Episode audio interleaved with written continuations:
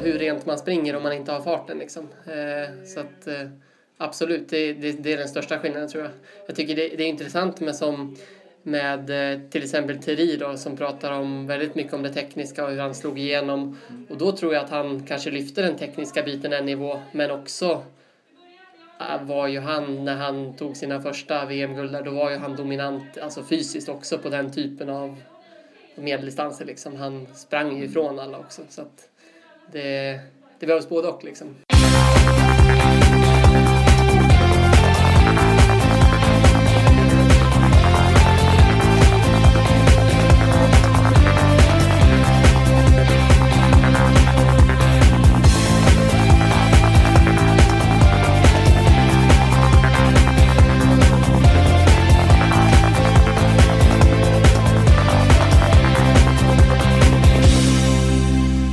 Välkommen till Radio O-ringen Podcast. Det här är en podcast där Per Forsberg träffar personer och profiler i orienteringsvärlden och tar upp både stora och små ämnen.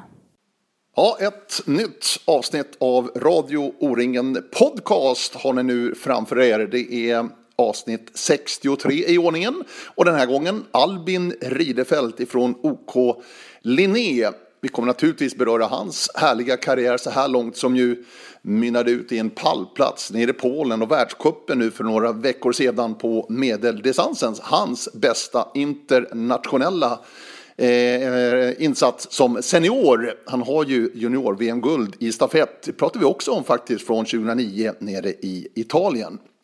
Men det blir också en hel del fokus på tiomila i det här avsnittet av Radio O-ringen Podcast. Det stundar ju nu uppe i Falun, det nordligaste någonsin. Och OK Linné med en stark trupp på pappret, en jämn stark styrka eh, som satsar på sitt bästa tiomila genom tiderna. Har ju en tredjeplats som bäst från 2009 nere i Skåne. Men här pratar vi om uttagning. Albin Ridefelt är ju tillsammans med Mats Renck faktiskt UK där i OK Linné. Lite om taktik och förhållningssätt, vad löparna får för instruktioner inför sina race. Och träningen, prepareringen, hur mycket tid ska man lägga i en liknande terräng som den som väntar runt hörnet då uppe vid Lugnet i Falun. I fjol var det ju svenska segrar både på dam och herrsidan. Domnarvets GOIF vann ju där Emma Johansson avgjorde. Och IFK Göteborg avgjorde ju där Eskil Kinneberg kampen om segern mot Thierry Jojo från Kalevarasti som också var med där på slutet som ni säkert minns. Det där avgörandet när Eskil Kinneberg sprang hem IFK Göteborgs första seger i 10 mila sammanhang. Så att eh, det är lite av innehållet i den här kommande podcasten då med Albin Ridefelt som till att börja med då gör sitt försök att presentera sig själv. Albin heter jag, uppvuxen i Uppsala, eh, bor där fortfarande. Eh, har ju varit här i Sandviken i tre år då, eh, pluggat på orienteringsgymnasiet. Ehm, men annars så håller jag mig hemma i Uppsala mest. Eh, så pluggar jag ju. Eh, läser till läkare nu då, eh, på höstterminerna mest. Eh, har varit ledig lite mer under vårarna sista åren just för att satsa på det jag tycker är roligast. Eh, ta den chansen när man har den nu i den här fasen av livet liksom. Eh, så just nu så pluggar jag på halvfart en distanskurs bara och tränar och åker runt på läger och, och allt sånt där annars. Det var en lång presentation. Ja, men jag tänkte det. Vi det har är bra. Gott, gott, om tid här. Det är underbart. Mm. Eh, ska jag kalla det för doktor Ridefelt framöver? Eller? Ah, det får vi vänta lite med tror jag. men det är ambitionen alltså? Läkare? Ja, jo. Det, det är ju, Helena har ju visat vägen här att det går att kombinera. Så jag, jag vet inte, det var nog en av faktorerna att jag såg liksom, ja men det går ju faktiskt att elitsatsa och, och läsa det samtidigt. Så det är ingen dröm då när länge så att, säga, att bli läkare? Det blev lite som det blev tror jag när jag sökte. Jag gick ut gymnasiet och visste inte riktigt vad jag skulle bli och så tycker jag ju så här kroppen och ja, träning och allt sånt där är ju intressant liksom. Så då sökte jag till det, kom in, började och trivdes bra och sen har det bara rullat på på den vägen liksom. Du eh, Albin, vi ses i Sandviken. Mm. Där både du och jag har studerat. Eh, du inte för så länge sedan, jag för ganska länge sedan kan jag säga, på orienteringsgymnasiet i Sandviken. Sprinttävling idag. Mm. En fin femteplats för dig Albin. Ja. Sprint. Känns inte kanske riktigt i min värld då, Albin Ridefelt, men du hanterar det mesta. Ja, nej men uppenbarligen. Det, jag är väldigt nöjd med, med att vara femma idag och världskuppen här i Polen gick ju också bra på sprinten. Så att, eh, jag vet inte, jag har fått lite bättre fart i benen i, i år tror jag. Eh, och då går det att hävda sig riktigt bra även på sprinten. Men är, är du lite förvånad då att du hänger med? För det, jag ska inte säga att det är två olika idrotter, men det är väldigt olika ändå. Mm. Sprinten kontra skogsdistanserna. Ja, ja. Jo, det håller jag med om helt. Det är alltså helt olika träning också framförallt tycker jag. Om man, om man liksom pratar med Jonas då, som, som vinner idag, liksom, han tränar ju verkligen annorlunda mot vad jag gör och kanske vad Gustav och, och andra som mer fokuserar på skogen gör. Så det blir ju mer och mer två, två idrotter liksom. Eh, men jag tycker det är ett väldigt bra komplement även som, som skogsorienterare för träningsmässigt få den här intensiva kartläsningen och sådär. Eh, så att, och sen är det ju kul att springa sådana här sprintar som idag när det är lite extra staket och intensivt och höger vänster och så, så fastnar man på något ställe och så ja, det, ja, det är roligt. Men träningsmässigt lägger något krut också på att liksom bli lite rappare kanske och få den här farten som man behöver i sprinten också. Eh, Jonas idag är nere på 3,5 minuter per kilometer i segertiden. Ja. Det går fort. Ja, det går jättefort. Eh, alltså inte sprintspecifikt skulle jag säga att jag tränar, men jag tränar ju en del liksom för jag tror att det är en fördel att vara rapp och explosiv i skogen. Liksom. Mm. Det, jag kör ju en del skivstångstyrka och liksom lite hopp och sånt där och det tror jag är sånt som man har väldigt nytta av just i sprinten och vara liksom ja, ha en bra acceleration och, och vara lite explosiv så. Eh, på samma sätt som jag tror att det är nyckel för att vara liksom det här, ha den sista farten på en medeldistans och liksom kunna trycka upp för backarna. Eh, så det är ju, tycker jag, i all orientering, det är väl största skillnaden mot liksom ren slätlöpning att där det är inte den här, det explosiva momentet som finns i orienteringen. Eh, så att, eh, men det är kul. Mm. Verkligen. Vi ska ta din resa alldeles strax. Vi ska också prata 10 mila i det här avsnittet. För att eh, det är ju 10 mila till helgen. Det här kommer ut nästa vecka då när vi har 10 mila framför oss i Falun. Och intressant med Okoloné tycker jag. Mm. Som verkligen jagar en, en seger i 10 mil. Har ju ännu inte infriats. Men ett bra lag tycker jag. Så att vi ska prata om det också Albin. Ja. Men eh, låt oss stanna där vi var inne på lite grann. Alltså hur viktig är fysiken i dagens läge i orienteringen?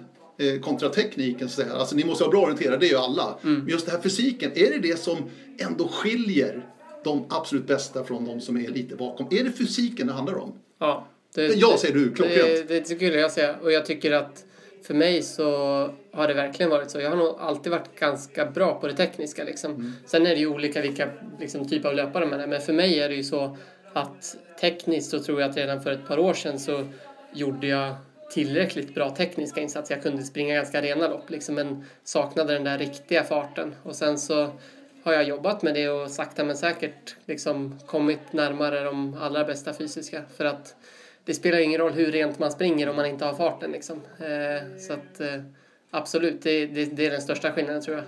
Jag tycker det, det är intressant med som med eh, till exempel Thierry då, som pratar om väldigt mycket om det tekniska och hur han slog igenom.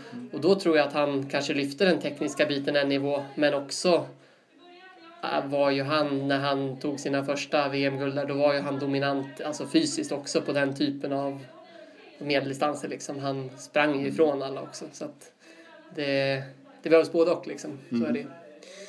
Thierry förresten, han bor ju i Uppsala nu för tiden. Mm. Ja, det... Tränar med honom, träffar honom då och då. Ja, Vad nej, betyder det? Det är jätte, jättebra för min del. Alltså, nu sista tiden har vi inte tränat så mycket. Han är ju iväg mycket på läger precis som jag. Men i höstas var det ganska mycket och det, det är väldigt eh, ja, men, bra på många sätt. Man har någon att mäta sig med som jag vet håller absoluta världsklass och sen så är han väldigt eh, driven och målmedveten och liksom i allt han gör och alla träningar liksom har en tanke verkligen. Och, Ehm, vi körde någon sån här äh, lite medeldistanser i höstas med, med liksom VM-fokus då, att de skulle vara lika lagda och, och försöka simulera en, en, start på VM med förstart och uppvärmningskarta och allt sånt där och bara göra det en onsdag morgon i november i Uppsala liksom, då ja, att lägga ner krutet på att göra det, då blir det blir väldigt bra liksom. Det blir äh, ja, bra träning och väldigt inspirerande att liksom eh, träna på det sättet. Det finns inga genvägar i den här idrotten, du? Nej, det är det bästa. det är det bästa, ser du? Ja, men jag tycker det. Det är, ja, det är kul och, liksom... Ja, kul. Det vore väl skönt om det fanns någon genväg kanske. Men, nej, men det här att man jobbar sig uppåt, eh, sakta men säkert. Mm. Det tycker jag, för mig i alla fall, så... Ja. Om jag har räknat rätt Albin så eh, vann du O-ringen i H13 2004. Ja. Totalt. Det. Kände du då där någonstans 13 år gammal att jag vill liksom bli bäst i världen? Alltså hade du de tankarna redan i den åldern? När man liksom, som du också, framgångsrik och vinner stora tävlingar. Så känner man det någonstans? Eller tänker man på det sättet redan då? Ja, jo men någonstans tror jag att det föds ganska tidigt det där. Eller jag kommer ihåg just när jag var, för jag var ju inte jätteduktig, jag var ganska duktig liksom 10-12 sådär. Men sen just året när jag blev 13 så gick det jättebra verkligen. Och då kom liksom från ingenstans där och, och lyckades vinna O-ringen i en spurt mot Joakim Svensk. Där är fortfarande, han är också med och springer riktigt bra nu för tiden så det är kul. Men, eh, men jag tror att det på något sätt liksom när man ser de som vinner elitklassen där på O-ringen och så och någonstans så börjar det födas någon liten idé i huvudet att ah, men det, det är riktigt häftigt det här. Det här vill jag också vara med om i framtiden liksom och, och vara, kämpa bland de allra bästa. För då måste man ändå ha ett perspektiv som är ganska långt bort. Vi pratar ju mer än 10 år, alltså du är 10, 23 år, eller Ja, ja. 13, 23 va? Och det räcker Ja. ju inte Nej, nej. på, på seniornivå. Man måste liksom, du håller på att arbeta dig nu. Ja, Du fyller ju 25 i år. ja. Jo, jo. Men det tänker man nog inte då. Inte då, va? Då tror jag att... Jag tror jag var lite mer optimistisk och tänkte liksom att ja, men det kanske går att...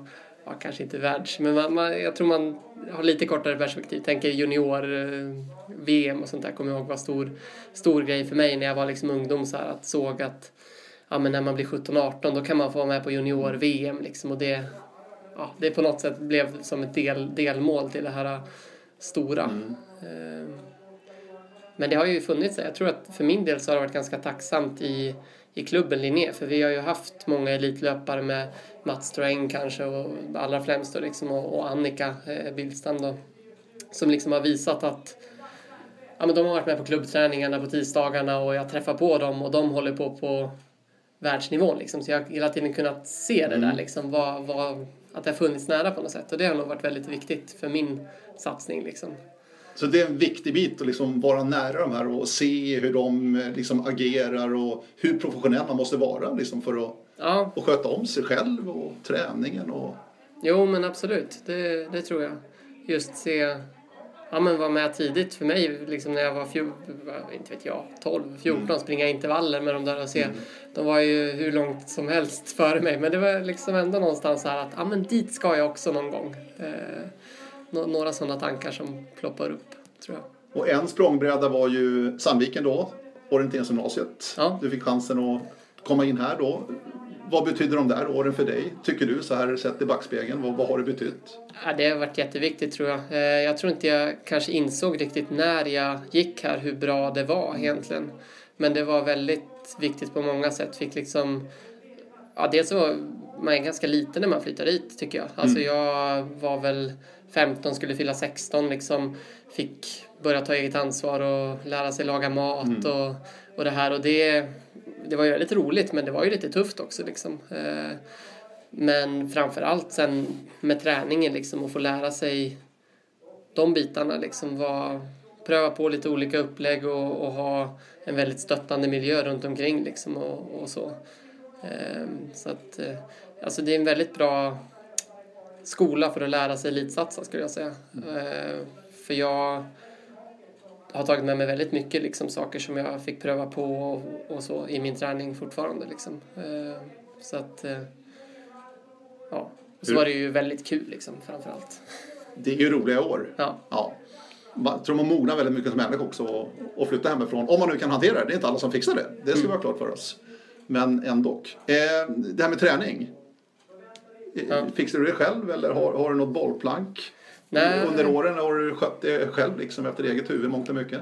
Mycket efter eget huvud. Eh, jag tycker att det är väldigt kul, intressant liksom och så. Men sen har jag bollat ganska mycket fram och tillbaks med haft lite stöd från olika personer i juniorlandslaget, landslaget och så mycket med, med Mats Sträng då när jag var mer ungdom junior hade vi ganska tät kontakt och så. Och det är väl så att jag bollar lite med folk fortfarande, liksom tar lite input och så. Eh, men jag tycker ju att jag känner min kropp bäst själv liksom och det är jag som är ute på alla träningspass så då eh, tycker jag att det är bäst att jag bestämmer i slutändan. Sen skulle jag, jag att det skulle vara givande och intressant att pröva att ha någon tränare mer, liksom ha ett kanske friidrottstränarupplägg mer, att det är någon som säger vad jag ska köra i, kanske inte fortsättning, men pröva det någon månad eller så. Det, det skulle man nog kanske, ja jag kan tänka mig att det skulle kunna vara bra. Mm. Vad, vad, vad, eh, vad, har du liksom för, för eh, principer när du lägger upp din träning? Hur, och springer du året runt? Jag läste på din eh, sida förresten, din, din bloggsida. Mm.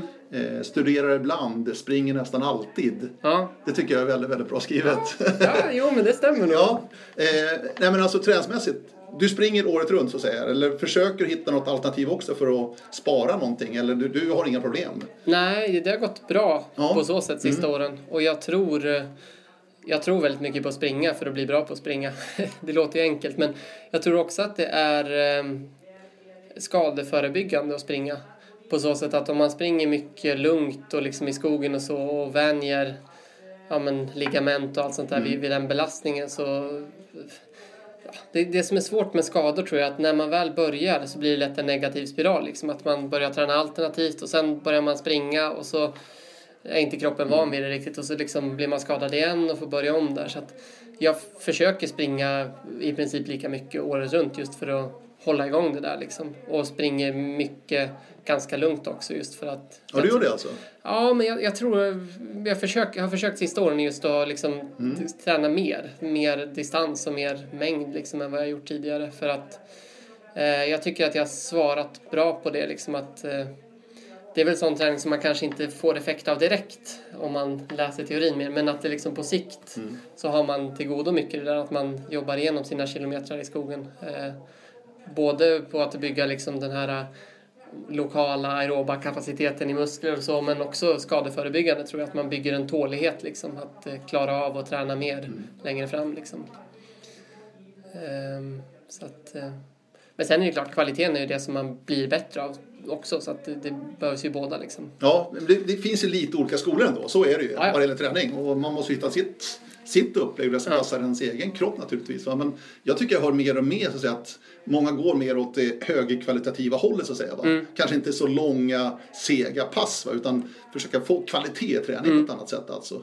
Eh, hur, hur pass mycket tar du in och läser in och kollar? Du, verkar, du är intresserad, de flesta är ju intresserade ja, ja. av träning så att säga. Mm för att hitta nya impulser och kanske nya vägar för att ja. bli ännu bättre. Det är det det handlar om i slutändan. Ja, jo. Att försöka, och du har ju sagt, du sa det inledningsvis också, att du har tagit ditt trappsteg nästan varje år de senaste åren. Va? Ja. Åt rätt håll. Ja, jo. Så att någonting rätt gör du ändå. Och känns det det också att du, du är trygg i det du håller på med? Jo, men det tycker jag nog. Jag, det, det, känns som att det liksom, jag har hittat, ja, det går åt rätt håll. Liksom. Jag tränar, tränar lite mer hela tiden och mm. kroppen svarar på det. Men sen är det klart att jag tror ju att det kommer ju stanna av. Eller så, det känns som att det är så för många att det liksom går åt rätt håll. Och då gäller det att hitta något nytt. Eh, och försöka hitta nya vägar eh, och bli ännu bättre. Det är det som är så häftigt med träning. Jag tycker jag har lyssnat eller hört och läst om Johan Olsson och pratar mycket om det där. Liksom att han stannar av i sin utveckling mm. och sen hittar han lite nya impulser och liksom börjar med köra intervaller på bandet och sånt där. Och sånt tycker jag är väldigt intressant att mm. höra om. Och liksom Sen vet jag inte hur mycket jag har prövat själv än så länge men det, när det börjar stanna av, när det inte händer något, då kanske man får hitta ett löpband och köra 10 pass på 14 dagar eller någon sån här ja. grej liksom. Det, ja, vi får se. Du, ofta, om du stannar upp vid Johan Olsson-spåret, jag tänkte på skidvärlden, längdskidåkarna. Mm. Som tränar väldigt mycket, mm. mängdmässigt, är min känsla. Ja. De pratar mycket om att äh, nu ska upp från 850 timmar till 900 timmar på ett mm. år. V vad säger det dig när du hör sånt där? Ja, jag vet inte riktigt. Det säger inte jättemycket egentligen. Ehm, jag tror framförallt så skidåkning, det, blir, det är svårt att jämföra med löpningen. Ja. För vi kan inte springa så mycket, då det blir en annan belastning. Sen, eh, sen tycker jag det är svårt. Just med timmar tyckte jag att ehm, jag reflekterar över det. Jag och Olle pratade, Boström pratade om det tidigare här att när vi var juniorer då hade, man, hade jag stenkoll på sånt där. Hur många timmar jag hade tränat och hur många timmar som någon annan hade mm. tränat liksom och vad som var lagom och väldigt intresserad av det där för att veta ungefär vad som krävs.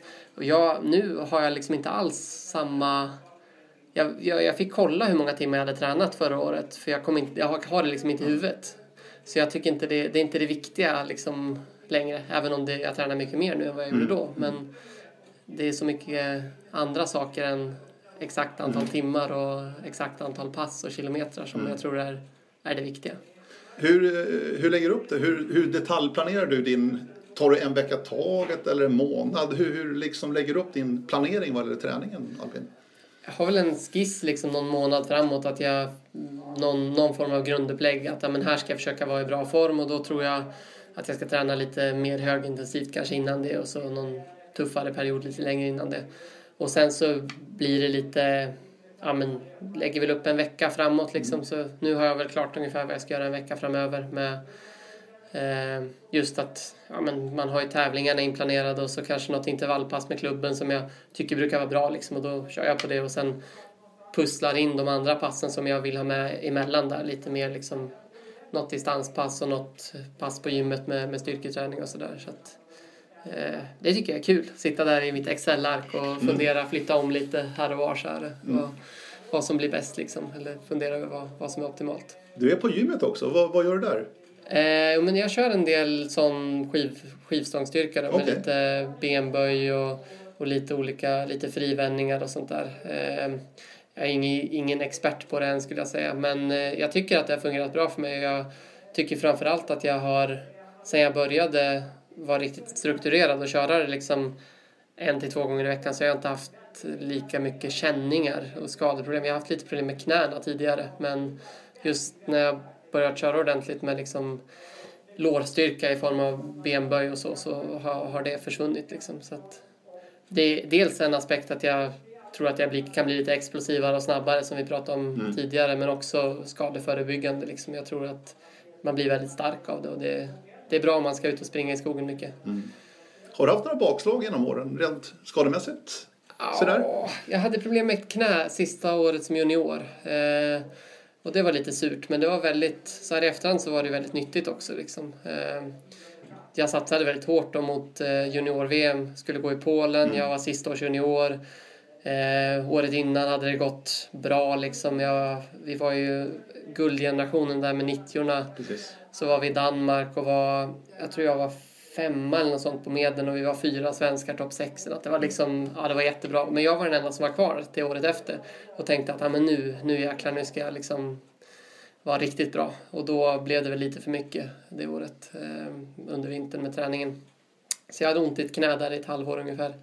Eh, så det var lite liksom segt men samtidigt så, så lärde jag mig mycket av det och kanske framförallt insåg hur viktigt Eh, det är med satsningen för mig hur mycket jag liksom älskar att tävla och träna och, och, och den biten. Så att jag tror att även om det var ett jobbigt och tråkigt halvår så har det hjälpt mig nu idag liksom i efterhand att jag inser att det jag håller på med är jag väldigt glad för och, och, och så. Mm.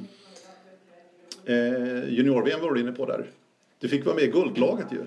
Ja, Redan som H18. ja precis. Med eh, två stockholmare, Gustav och Bergman då, och Olle Boström. ja, Och exakt. du nere i Italien. Mm. När Gustav också vann långdistansguldet där nere ju. Ja. Vad minns du av den där dagen? För att det måste ha varit en riktigt stor dag ändå alltså, i ditt orienteringsliv. Ja, ja. ja det, var, det är ju en av de absolut starkaste orienteringsminnena jag har. Det är så? Ja, ja, så är det. Ja. Det var ju första gången som jag var med på JVM och det var sån enorm stämning där liksom eh, på den där stafetten. Och det hade gått bra för mig. Jag var sexa på medeldistansen tror jag också. Så då var jag riktigt liksom på gång kände jag. Sen, eh, ja, jag kommer bara ihåg den där stafettdagen när jag, jag och Olle står där liksom och väntar på Gustav. Och det, ja, det är som det är en så häftig känsla liksom. Blandad eh, förväntan och nervositet liksom. Och så kommer Gustav först ut före schweizaren då på, på sista sträckan. Det, ja, det var väldigt häftigt ögonblick liksom. Jag tror att det... Ja, jag blir fortfarande liksom... Ryser nästan lite i Ja, jag när jag det på tänker det. på det. Ja. Ja, så det Är det något speciellt också att vinna ett lag, så att säga, stafetter i det här läget då? ja, ja, jo det tycker jag. Det, Kanske gör det ännu större på något sätt? Att man får dela det med några andra, eller? Mm. Jo, jo. Ja, absolut. Det, det är det verkligen. Eh, Just det där också att stå och vänta liksom. Det är sällan som Ja. man är med, på, med om det som liksom i individuell idrott och liksom så, så på så sätt så var det väldigt häftigt. Så var det kul att vinna med ja, men Olle, just som jag gick här i Sandviken med, väldigt liksom nära vän till mig och, och Gustav också. Så det, på på så sätt är det också väldigt kul att springa i ett lag. Mm, precis. Eh, både Olle Boström och Gustav Bergman finns förresten i poddarkivet så att, eh, vi pratade lite grann om det här guldet då också. Eh, förresten, och alla har ju härliga minnen från Italien och den där sommaren 2009 då som det var. Ja. Ja. Du, steget in då i senioråldern. Mm. Hade problem med ditt knä då sista året som junior. ja. Eh, Vad kände du när du liksom tog steget? Att du liksom måste, nu måste jag trappa upp träning ordentligt här för att kunna vara med i seniorklassen. Eh, Vad, vad känner man? nu? Hur tänker man? Jo, men lite så var det väl. Alltså, det, det var ju ett steg, verkligen. Och jag hade väl, har väl haft lite tuffare kanske än vad jag hoppades. Jag vet inte om det var lite med knät där jag tappade lite träning ett, ett år och sen eh, så det gick ju så väldigt enkelt för flera andra liksom med Gustav och Olle sprang VM liksom första år sedan. Johan också, Runesson var ju med liksom direkt som första års seniorer och, och kom riktigt bra på VM. Liksom. Så att det var ju både och och se det. Eller jätteinspirerande först och främst. Att man liksom, de här har jag sprungit med och varit nästan på deras nivå i alla fall. Så jag såg att det var möjligt. Men samtidigt så var det ju för mig då som kanske första och andra året som senior gick det inte riktigt liksom på samma nivå. Och det var ju också liksom, jag kommer inte ihåg exakt, men jag, lite tvivel liksom Ja. kommer det väl att, jaha, gör jag någonting fel eller har jag inte samma talang eller möjligheter som de här andra eller sådär. Men eh,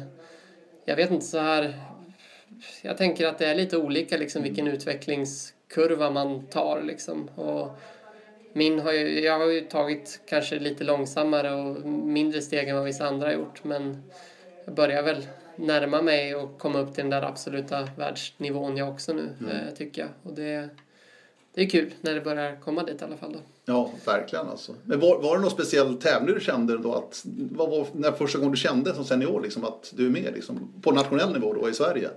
Ja, det var ju något SM i Göteborg där på medeldistans. Och det var ju samma år som vi vann stafetten också med linjegrabbarna. Det var ju lite...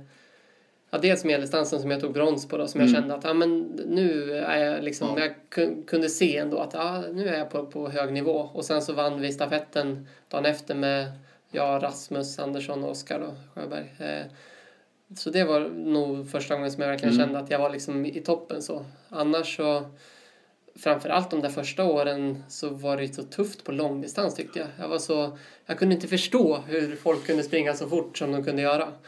Och liksom hålla det där tempot som man kunde hålla i 10 minuter på en medeldistans i 90 minuter. Ehm, men sen liksom, ju fler sådana långdistanser man har sprungit och mer träning man har fått i benen så, så går det liksom. Men först, eh, första sådana här eh, Silva League, Swedish League jag sprang och på långdistans då var det helt Ja, det var extremt. Liksom. Jag var en kvart efter och tyckte att jag, jag hade gjort ett lopp som på året innan på juniornivå hade räckt till ett SM-guld. Liksom. Och så kliver man upp och en kvart efter trots att man har gjort ett perfekt lopp. Så, Välkommen till verkligheten. ja, lite så är det faktiskt.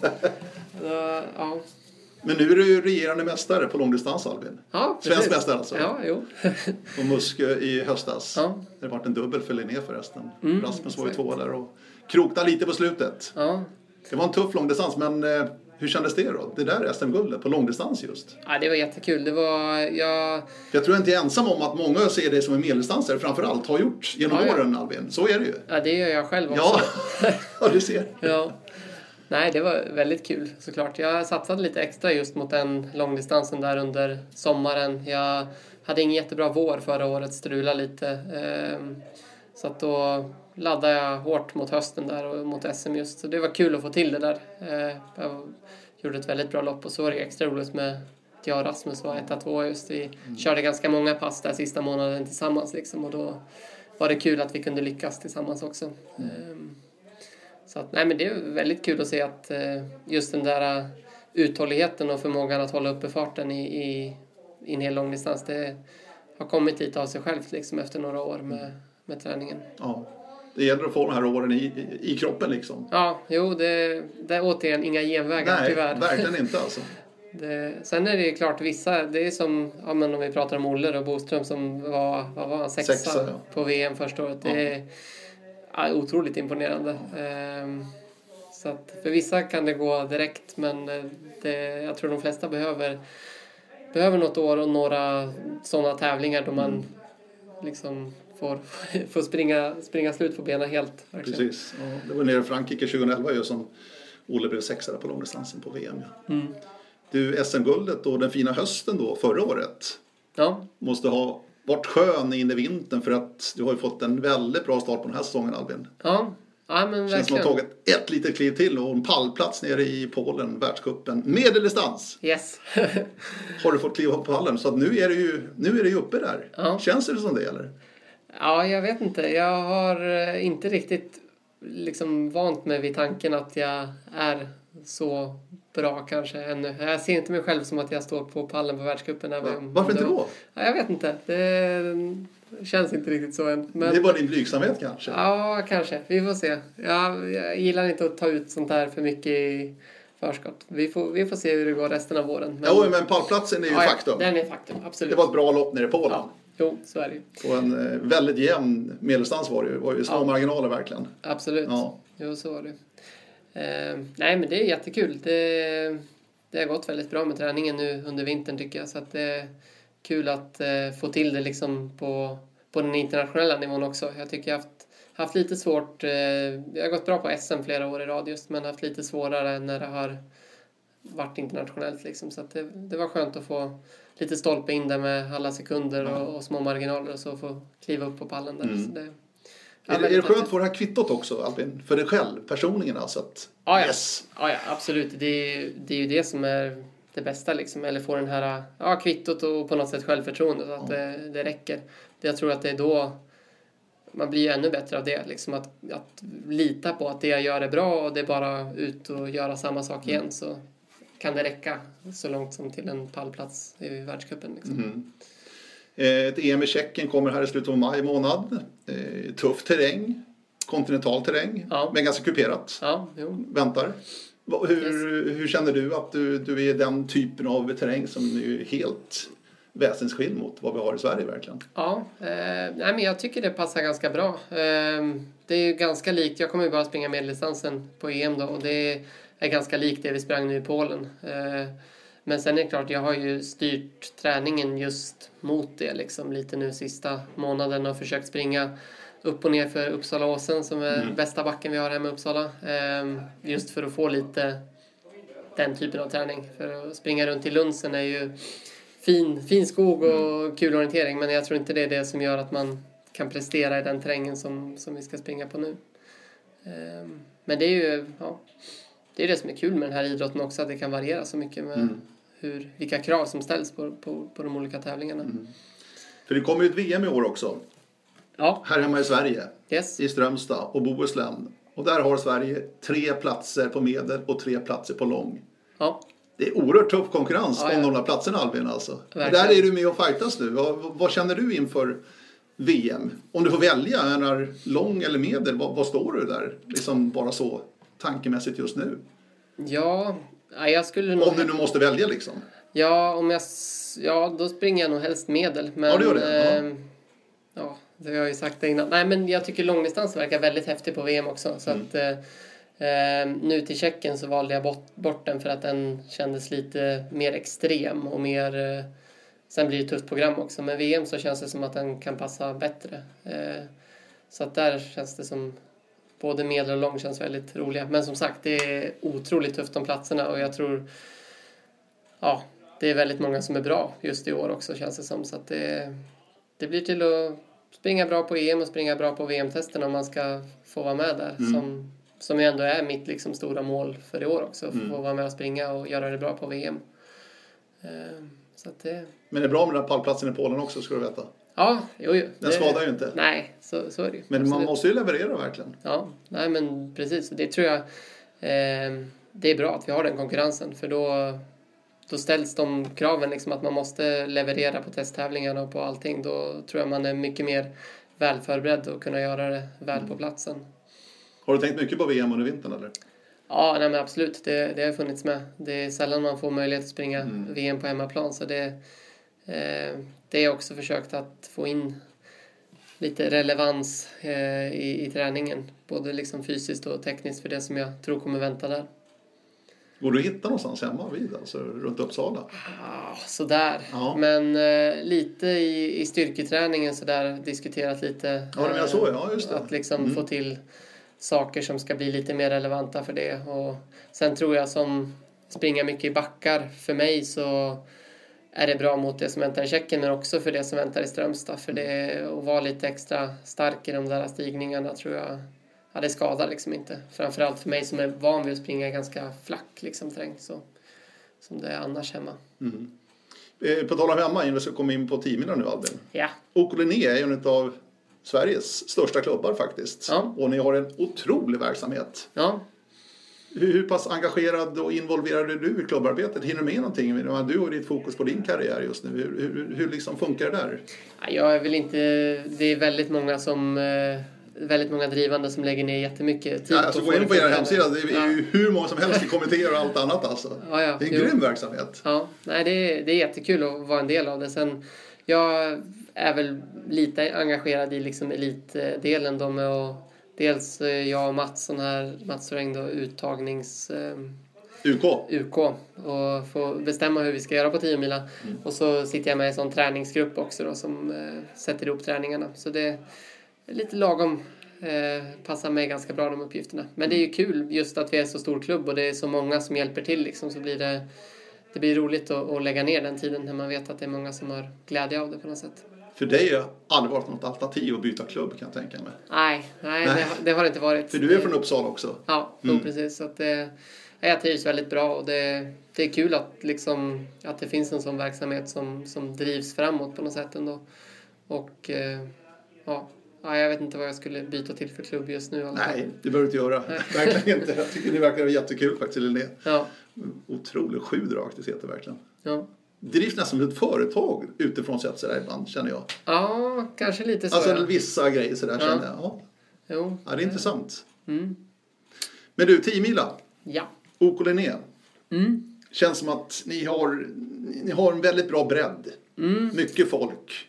Många bra på natten. Ja, Känns som att 10 mila börjar passa Linné perfekt. jo. Eh, Eller?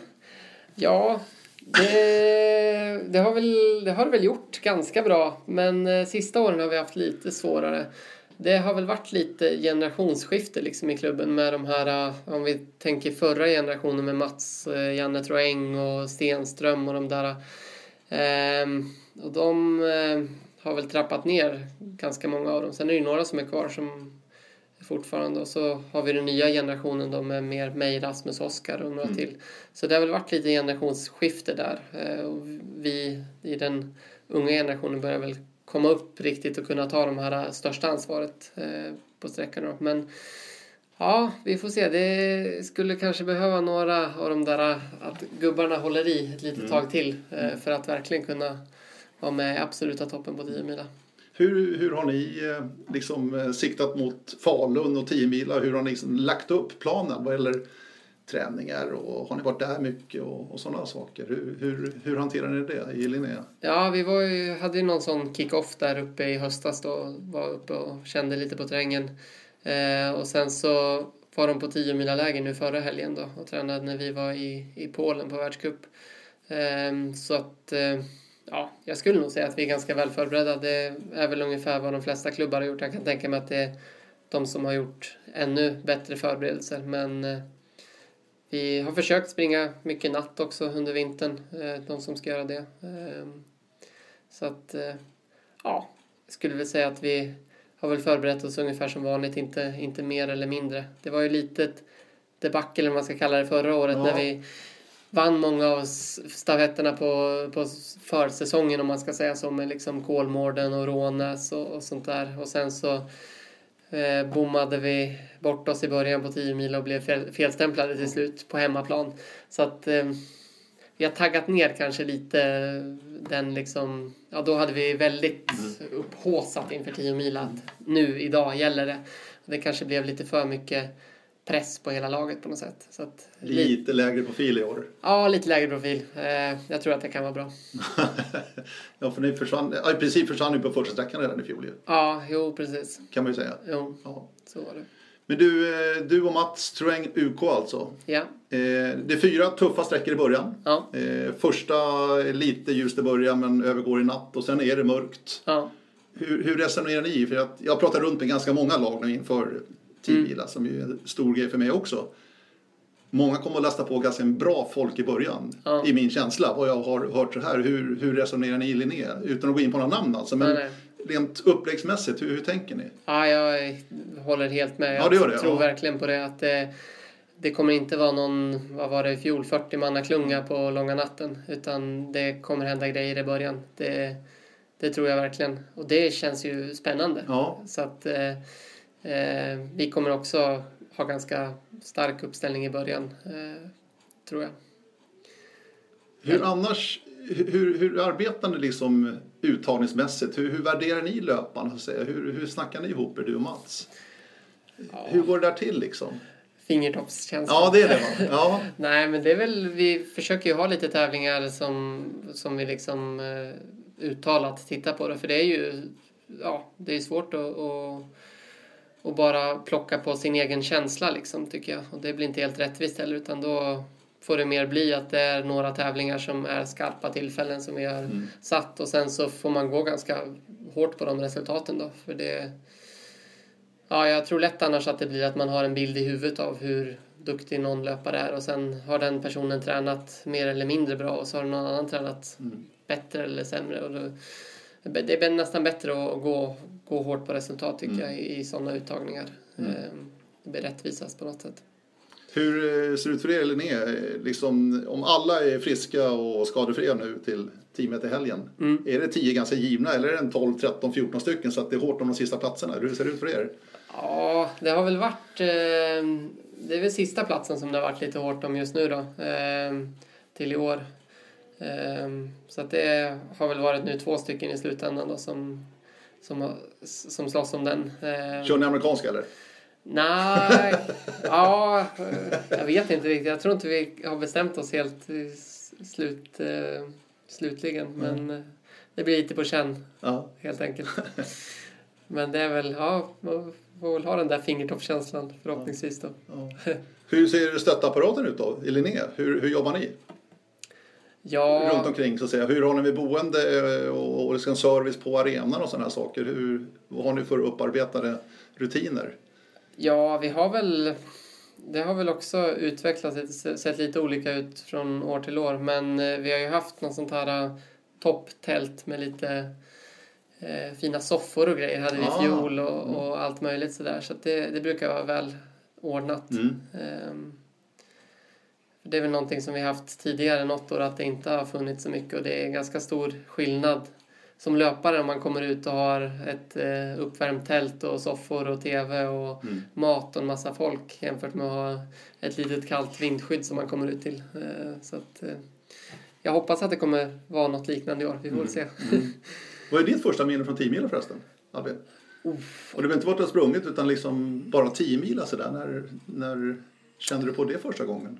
Ja, det var ju där när Jarkko Hovila gick loss på långa natten. Norrköping, 2004. Kungsör. Eller, ja, Ah, Norrköping var det. Norrköping. 2004. Kolmården. Ja, just det. Ja, men det måste ha varit det. Mm. Då tror jag att jag sprang någon Ah, ungdomsklass. ja. Just det. Eh, men jag kommer ihåg det där eh, att de gick loss. Det var, Ja. det var häftigt tyckte jag. Så att, eh, Körde sin helsvarta dräkt också. ja, just det. Ja, ja, det kanske man skulle plocka fram Ja. till i år. Ja. Det är många klubbar som kör helsvart på nätterna. Tror att det hjälper? ja, jag vet inte. Nej, jag är väldigt tveksam också till det faktiskt. Alltså. Ja. Och första 10 mil då? När sprang du det på riktigt?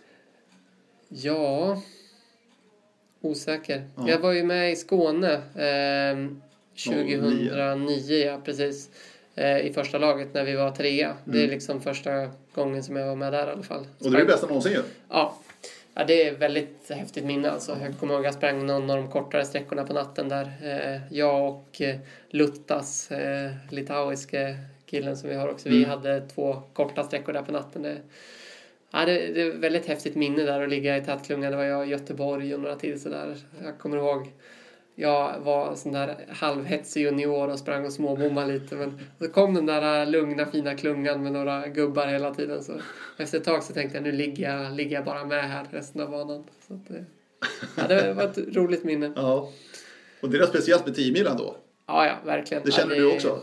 O- oerhört eh, häftigt. Det pirrar till lite när, när man tänker på Mm. det. det här, ja, jag tycker 10 mina natten är någonting speciellt. Och det, nu har jag fått vara med och springa långa natten och sådär också. Det, det är någonting extra och, och få vara en del av det där. Det, Mm. det är häftigt.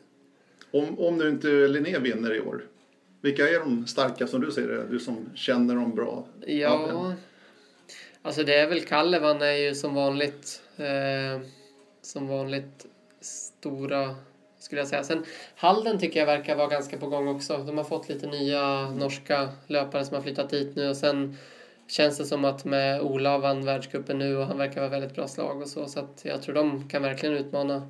Och sen är det Kove såklart Ja. med spännande nyförvärven så att eh, ja, det är väl de tre Mm. och så har vi de svenska andra lagen som med Lidingö och Göteborg och Sno och, och, och med flera som säkert kan vara med högt upp också. Så att eh, vi får se. Det är spännande. Ja, ja det, jag tycker det känns som ett eh, kul 10 mila med det här eh, sträckupplägget de har. Ehm, och de här tre lite kortare sträckorna också ska bli väldigt intressant att se vad som, vad som händer där liksom. Jag tänkte på Linné och i och med att ni gick bort det på första sträckan i fjol redan. Mm. Det är ganska stor press nu på han som ska ta hand om den sträckan i år. Ja, jo. Kan det bli? Kan det bli, ja. Absolut. För det gäller Ja. verkligen att vara med liksom, alltså, Ja, ja. få en bra start. Ja, det är ju så viktigt. Absolut. Första sträckan är... Man ska inte underskatta den alltså. För att gå ut på en andra sträcka i tätklungan, det kan vara så väldigt enkelt att gå ut fyra minuter bakom. Det är ingen rolig uppgift. Eh, så att det... Ja, jag hoppas verkligen att vi kan vara med från start i år. Ja, verkligen alltså. Häftigt Albin Ridefelt. Ja. 10 mila helgen, EM, VM. Hinner med en O-ringen i år? Ja, jag hoppas Ja, det. trevligt. Jag har faktiskt anmält mig. Så att, eh, det, nej, det verkar väldigt kul och jag har många fina minnen uppifrån Sälen förra gången där. Så att, eh, ja, det ser jag verkligen fram emot. Vi får väl se om det om jag ska springa ett VM så kanske det inte blir en full vecka i elitklass. Men annars så kommer det vara ett av de stora målen eh, med säsongen. Så ja, det blir spännande. Det är väldigt mycket viktiga tävlingar det här året. Och när du tar till VM också Albin så är det väldigt mycket. Är det för, är det för mycket eller tycker du ni gillar att tävla eller hur fungerar det? Ja, det är väl på gränsen till mycket skulle jag säga. Men eh, det är väl också upp till varje individ att prioritera lite liksom. Man får väl som nu åka, jag åker hit och springer den här Swedish League eh, finalhelgen då kanske med, ja, mer som en rolig helg än att försöka prestera liksom. Och försöka ha lite den inställningen så tror jag att det går, går att springa rätt mycket tävlingar ändå. Det kan liksom, om du lyckas få in i huvudet att det är träning idag och inte tävling så mycket kanske. Ja, Är det så du tänker lite eller? Ja, Men det måste vara svårt. Det är svårt, men det är mer att jag tycker att jag planerar in att jag ska träna Ah, okej. pass på eftermiddagen och pass dagen efter Mm. och sådär. Att, att försöka bibehålla den vanliga träningen ändå. Då, då tycker jag att det brukar gå ganska bra ändå. För det, annars är det väldigt lätt för mig i alla fall. Det har jag gjort många vårsäsonger och var, var så sugen i början att man tävlar och sen så släpper lite på träningen och, och kommer i bra form lite för tidigt liksom. Eh, tror att det är viktigt att hinna med och träna emellan om man ska hålla en hel säsong och prestera när det gäller som mest på VM sen då. Albin Ridefelt, jag hoppas verkligen du håller hela säsongen. Eh, lycka till med 10 mil och framöver allting. Ja, tack så mycket. Kul att vara med här på Radio O-ringen Podcast. Hör gärna av er som ni gör på radio. Men kanske en annan drömgäst framöver. Ha det gott! Vi hörs och syns till 10 mila. Hej då!